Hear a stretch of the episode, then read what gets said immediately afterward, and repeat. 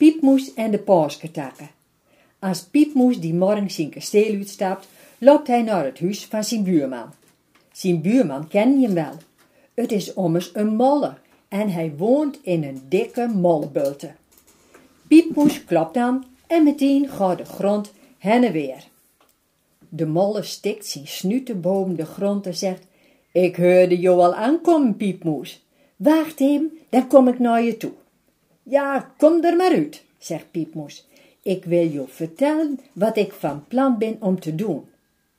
Als de molle boven de grond is en hem wat afschudderd het, vertelt Piepmoes over zijn plan. Het is gauw Pasken en de moes wil een paasketoeken maken. Hij legt de molle uit dat dat een mooie takke is die hij met allerhande paaspulletjes versieren.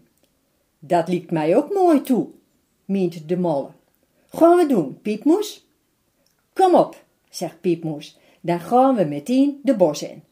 We moeten eerst twee geschikte takken opzoeken en dan mooie dinkies die we erin hangen kunnen, zoals uh, veertjes, sparreappeltjes, stokjes van eierdoppen, stientjes en als we niet genoeg vinden, kunnen we zelfs ook nog wel van alles merken, rattelt Piepmoes deur. Het moesien het er ook zoveel zin aan. Daar stappen de beide hennen. De molle had een poeder bij hem om de spulletjes in te doen en Piep moest een mes om de toeken met van een boom te snijden. Ze lopen de kanten van de lende op.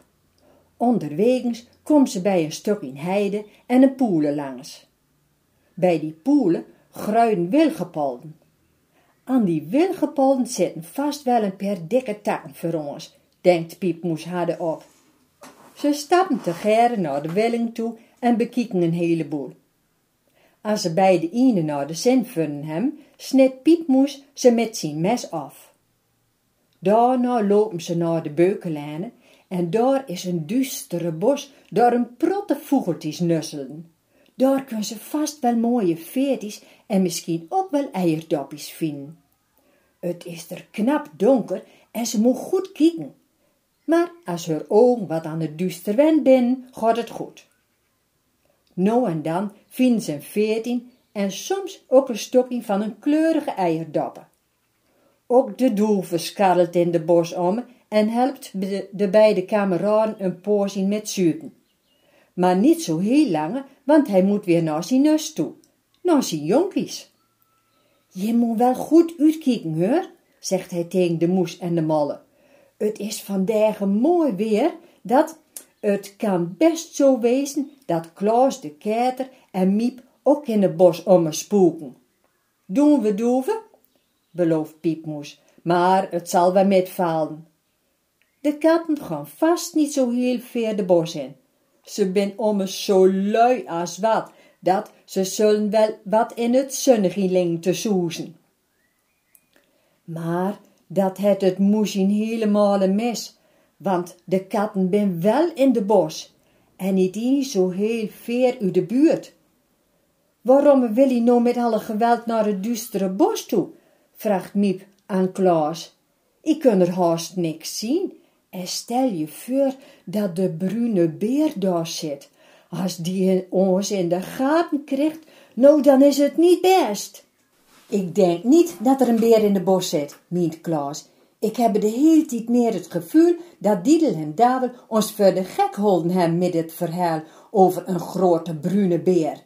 We hebben er ja nog nooit een zien of gehoord. Die beer bestaat nevens mij heel dal niet. Maar kom met Miep, gauw zien dat we een lekker happy vinden. Nou, voor u de maar, zegt Miep. Ik heb een geweldig honger. En ik geloof zuiver dat ik een lekker moezeloch in de neuzen kreeg. Miep steekt de neuzen nog wat hoger de lucht in. Ja, hoor Klaas, snoef je ook maar eens. Ik roek duidelijk een moes. Klaas snoft ook eens goed en het water loopt hem meteen om de taan. Het is duidelijk. Klaas rokt ook een moes. Plat op het lief kroepen de beide katten de duistere bos in, de kanten van het lekkere moezeloch in op. Verhip, Klaas, Mirk Miep, moet kieken. Als we nog geen geluk hebben, daar hij Piep moest. Nou pakken we hem. Kijk, en daar hij ook zijn buurman. Weet wat?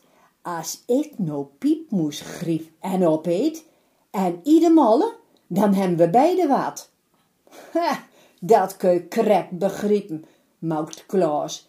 Ie die lekkere, sappige moes, en ik die malle molle?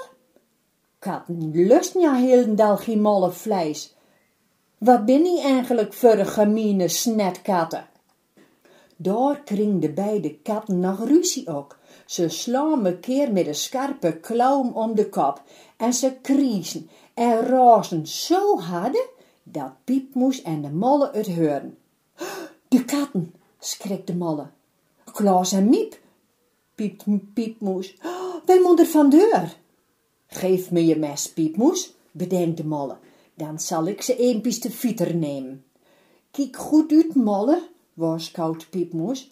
Pas op dat jou niks overkomt. Met dat voortkom, zegt de molle. Ik redde me er wel met. Wacht maar.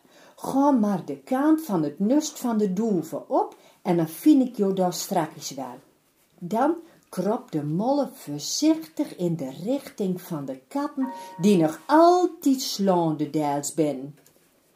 Jonge, jonge, wat hebben die katten een ruzie? De witte haren van Miep en de zwarte van Klaas stoem alle kanten op. Ze zien hem alle niet eens. En die zit nu al vlak bij haar, zo dichterbij, dat hij de katten allebei bij de stad gript en met het mes in de lucht zwaait. Wat wil je nu eigenlijk?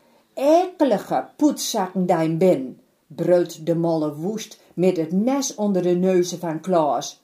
Wie wil er hier een moes en wie een molle? Ik zal je een stok van de stad afsnijden als je hem zo deur gaan.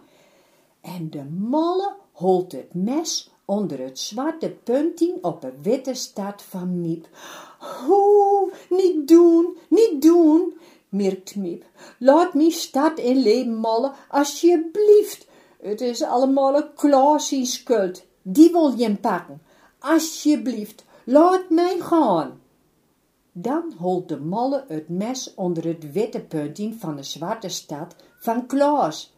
En wat zal ie eigenlijk, vervelende, misselijke rotketter die ben, voetert hij tegen Klaas.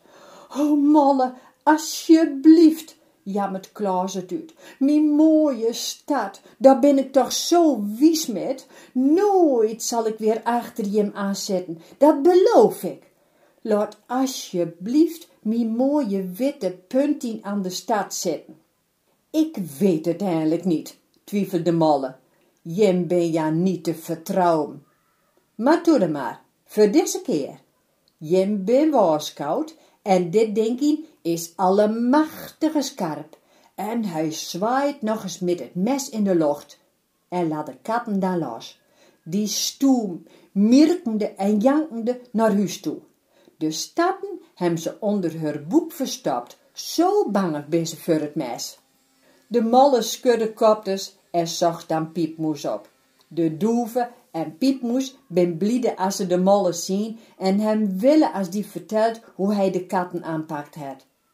Even later gaan Piepmoes en de molle weer op huis aan. Morgen maken we de paasketakken wel klaar, besluit Piepmoes. Daar heb ik nou niet zoveel nacht meer aan. Goed plan, vindt ook de molle.